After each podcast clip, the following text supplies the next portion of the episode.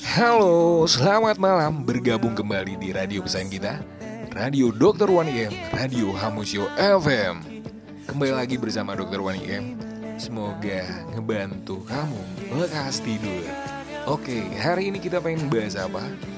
Oh iya, masih kangen aku gak sih? Oke, hari ini kita pengen ngebahas tentang startup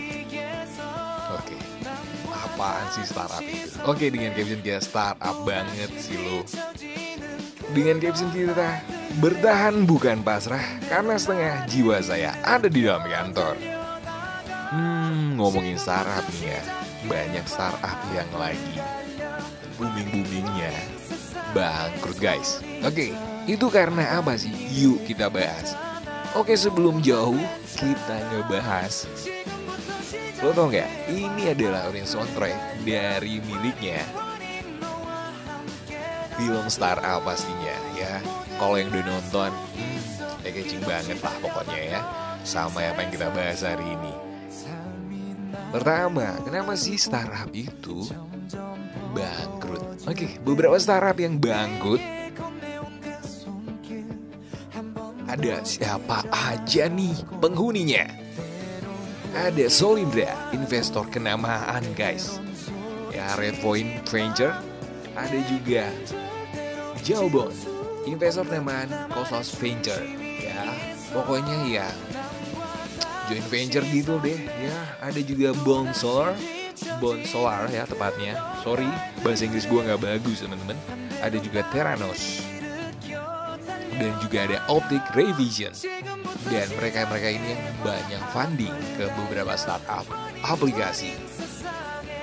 Dan kalau pengen ngebahas startup ya, culture-nya luar biasa, inovasi banget teman-teman. Dan apa aja sih sebenarnya penyebab mereka-mereka ini bangkrut? Tapi tunggu dulu teman-teman. Ada yang bilang mereka salah funding atau ada yang bilang, startup ini kan maju nih ke depan. Dan emang pada dasarnya, ya hal biasa kalau startup itu akhirnya bangkrut katanya sih. Ya dari detail dan probability-nya berdasarkan dana funding semata yang hanya itu. Ya namanya musim semi bisnis ya teman-teman ya.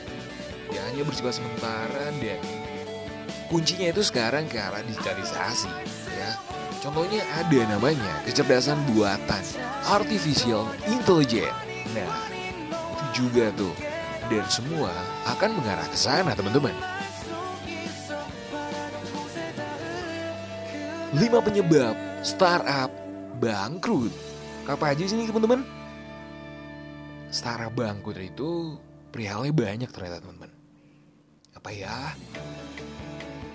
Oke, yang pertama,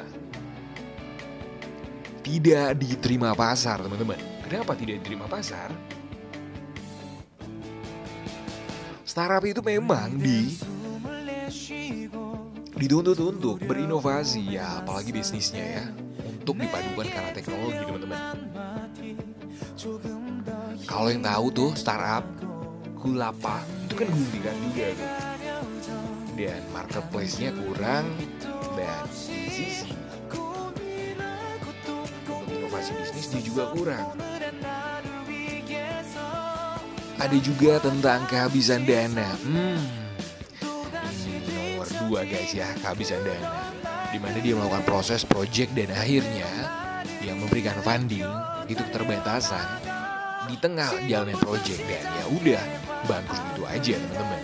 Atau memerlukan ongkos ya, cost kontrolnya budgetnya tidak terpelihara atau termanage dengan baik dan akhirnya gulung tikar. Ada juga yang ketiga yaitu struktur tidak yang tepat. Dengan struktur tim yang gak tepat, apalagi tentang industri yang eh tulis sih, actually lu nggak belajar nih namanya ya, branding nih sama industri yang sama dan lu nggak belajar dari yang sudah-sudah ya apa dikata bangkrut deh nih gue kasih tahu ya uh, ada faktor berikutnya guys ya di faktor ini ada ada struktur tidak tepat jadi struktur juga harus tepat. Jadi teman-teman guna organisasi developmentnya, timnya harus benar dengan tepat ya, supaya tidak salah. Akhirnya strukturnya dan secara fungsional. Oke kita lari ke poin keempat, kalah bersaing. Kalah bersaing ini juga menjadi penentu teman-teman. Kehadiran startup di sektor yang sama tidak jarang. Ya kan? Jadi kalah. Kalah bersaing, apalagi yang kompetitor. Ada yang harus saya sebutkan. Mereka di antaranya adalah ada Uber, Ojeko, Top Jack, Taksi Motor, Lady Jack, Blue Jack, Smart Jack, dan semacam seperti Gojek ya. Mereka kalah gitu aja.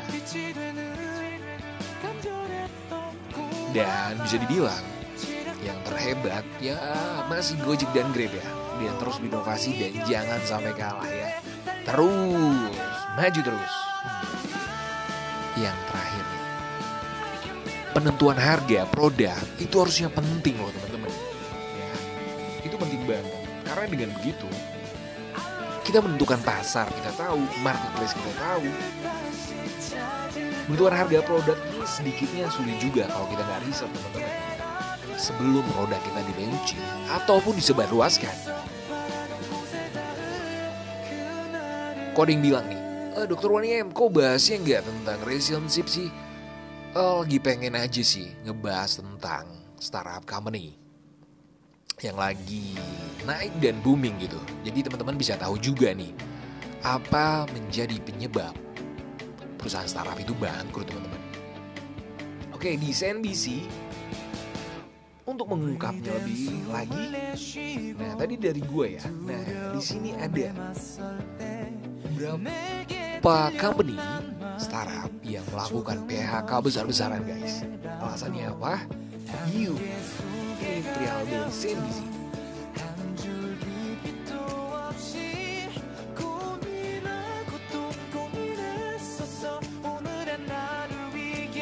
Banyak banget ya startup yang bangkrut karena perihal pandemik lah, karena tren yang tidak sesuai dengan culture perusahaan, work from home, work from everywhere, gitu loh teman-teman. Jadi banyak hal yang nggak pas dan banyak hal juga. Ya budgetnya dana yang dikeluarkan tidak sesuai. Itu juga yang harus dipikirin. Maka teman-teman eh, harus pikirin matang kalau bangun startup jadi j- harus konsisten ya jangan persisten dan juga yang funding investor kamu kamu pilihkan dengan tepat. Jangan salah yang ada kamu. Merugikan banyak orang lain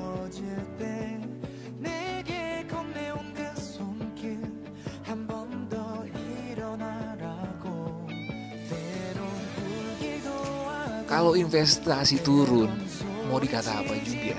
PHK pasti besar-besaran guys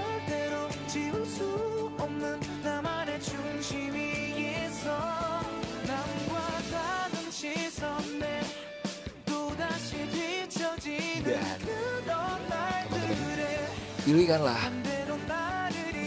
investor yang terjamin buat perusahaan startup kamu pastinya ya. Oke berakhir dengan film ini. Oh, film ini keren banget ya film startup ini karena menginisiasi atau mengasih ide buat kita semua supaya memberikan inovasi di kantor kita masing-masing lebih dinamis dan juga mampu menerima perubahan dengan cepat. Lo tonton deh lo bakal ngerti nih capeknya kerja startup at least nih startup itu bukan masalah perusahaan keren bukan teman-teman at least perusahaan startup adalah perusahaan yang maju berkembang. At least dia masih baru dan dia siap melakukan perubahan secara dinamis. Atau yang bisa dibilang siap bergerak dengan cepat. Dan lo juga harus cari nih hiring orang-orang yang siap dengan tracer yang banyak tentunya. Totalitas dalam bekerja dan juga mau multitasking dan juga mau menerima kerjaan gak hanya gitu aja. Dan orangnya open minded jangan yang terkotak-kotak. Ah saya mau ini mau yang itu. Ya bakal sulit sih. Oke uh, gue pengen ngebahas sedikit sih tentang kantor gue sekarang. Oke kantor gue ini bisa dibilang keren lah ya. Dengan inovasi culture banyak orang yang bisa kita bilang dengan inovasi banyak orang dengan menumbuhkan empati. Hmm, nilai empati itu masuk ke emosional ya. Jadi kita memang pilihkan orang-orang yang punya emosional yang cukup tinggi. Emosional maaf, maaf. Maksudnya adalah EQ yang baik ya dengan nilai empati yang tinggi. Karena rasa persaudaraan, rasa kasih yang ada di dalamnya ngebantu buat teman-teman kita kerja nih. Jadi jangan hidup sendiri, karena kita hidup bersosialisasi. Dengan tagline, ada yang bisa saya bantu? Nah, itu keren banget tuh kalau kamu munculkan di perusahaan kamu. Karena dengan begitu, kamu bisa menghidupkan nih talent-talent berbakat, baik leader-leader yang berbakat, mau mencurahkan, berbagi knowledge-nya dan aktualisasi diri yang pastinya kamu misalkan suka ini suka itu berbagi aja sama teman-teman lainnya dan kalaupun kamu sebagai uh, leader contohkan sebagai bukti bukan sebagai omongan aja guys. Karena dengan begitu yang kamu bisa mengikuti kamu nantinya ya enggak jadi ada pepatah kan? Guru kencing berdiri guru kencing berlari. Dan kalau begitu kan? Jadi guru mencontohkan nih. Dan yang running tuh adalah tim kamu pastinya ya kan? Dia yang ngasih stimulus atau kasih pancingan pancingan kecil dan tim kamu pastinya sudah bisa berlari sudah dipastikan kamu adalah jagonya. Oke teman-teman. Kalau dirasa nih perusahaan startup dengan banyak inovasi people jadi jangan berhenti untuk memberikan apa yang kau bisa di perusahaan. Dan visi misi harus juga sesuai pastinya. Dan berikanlah tes yang bagus pastinya untuk teman kamu yang sebagai rekruter atau HRD ya di perusahaan startup. Let's say memang tesnya ke arah visi misi perusahaan yang bersatu dengan karyawan. Jangan terpisah tuh. Jangan hanya menguntung nanti jadi mandor ya enggak iya dong.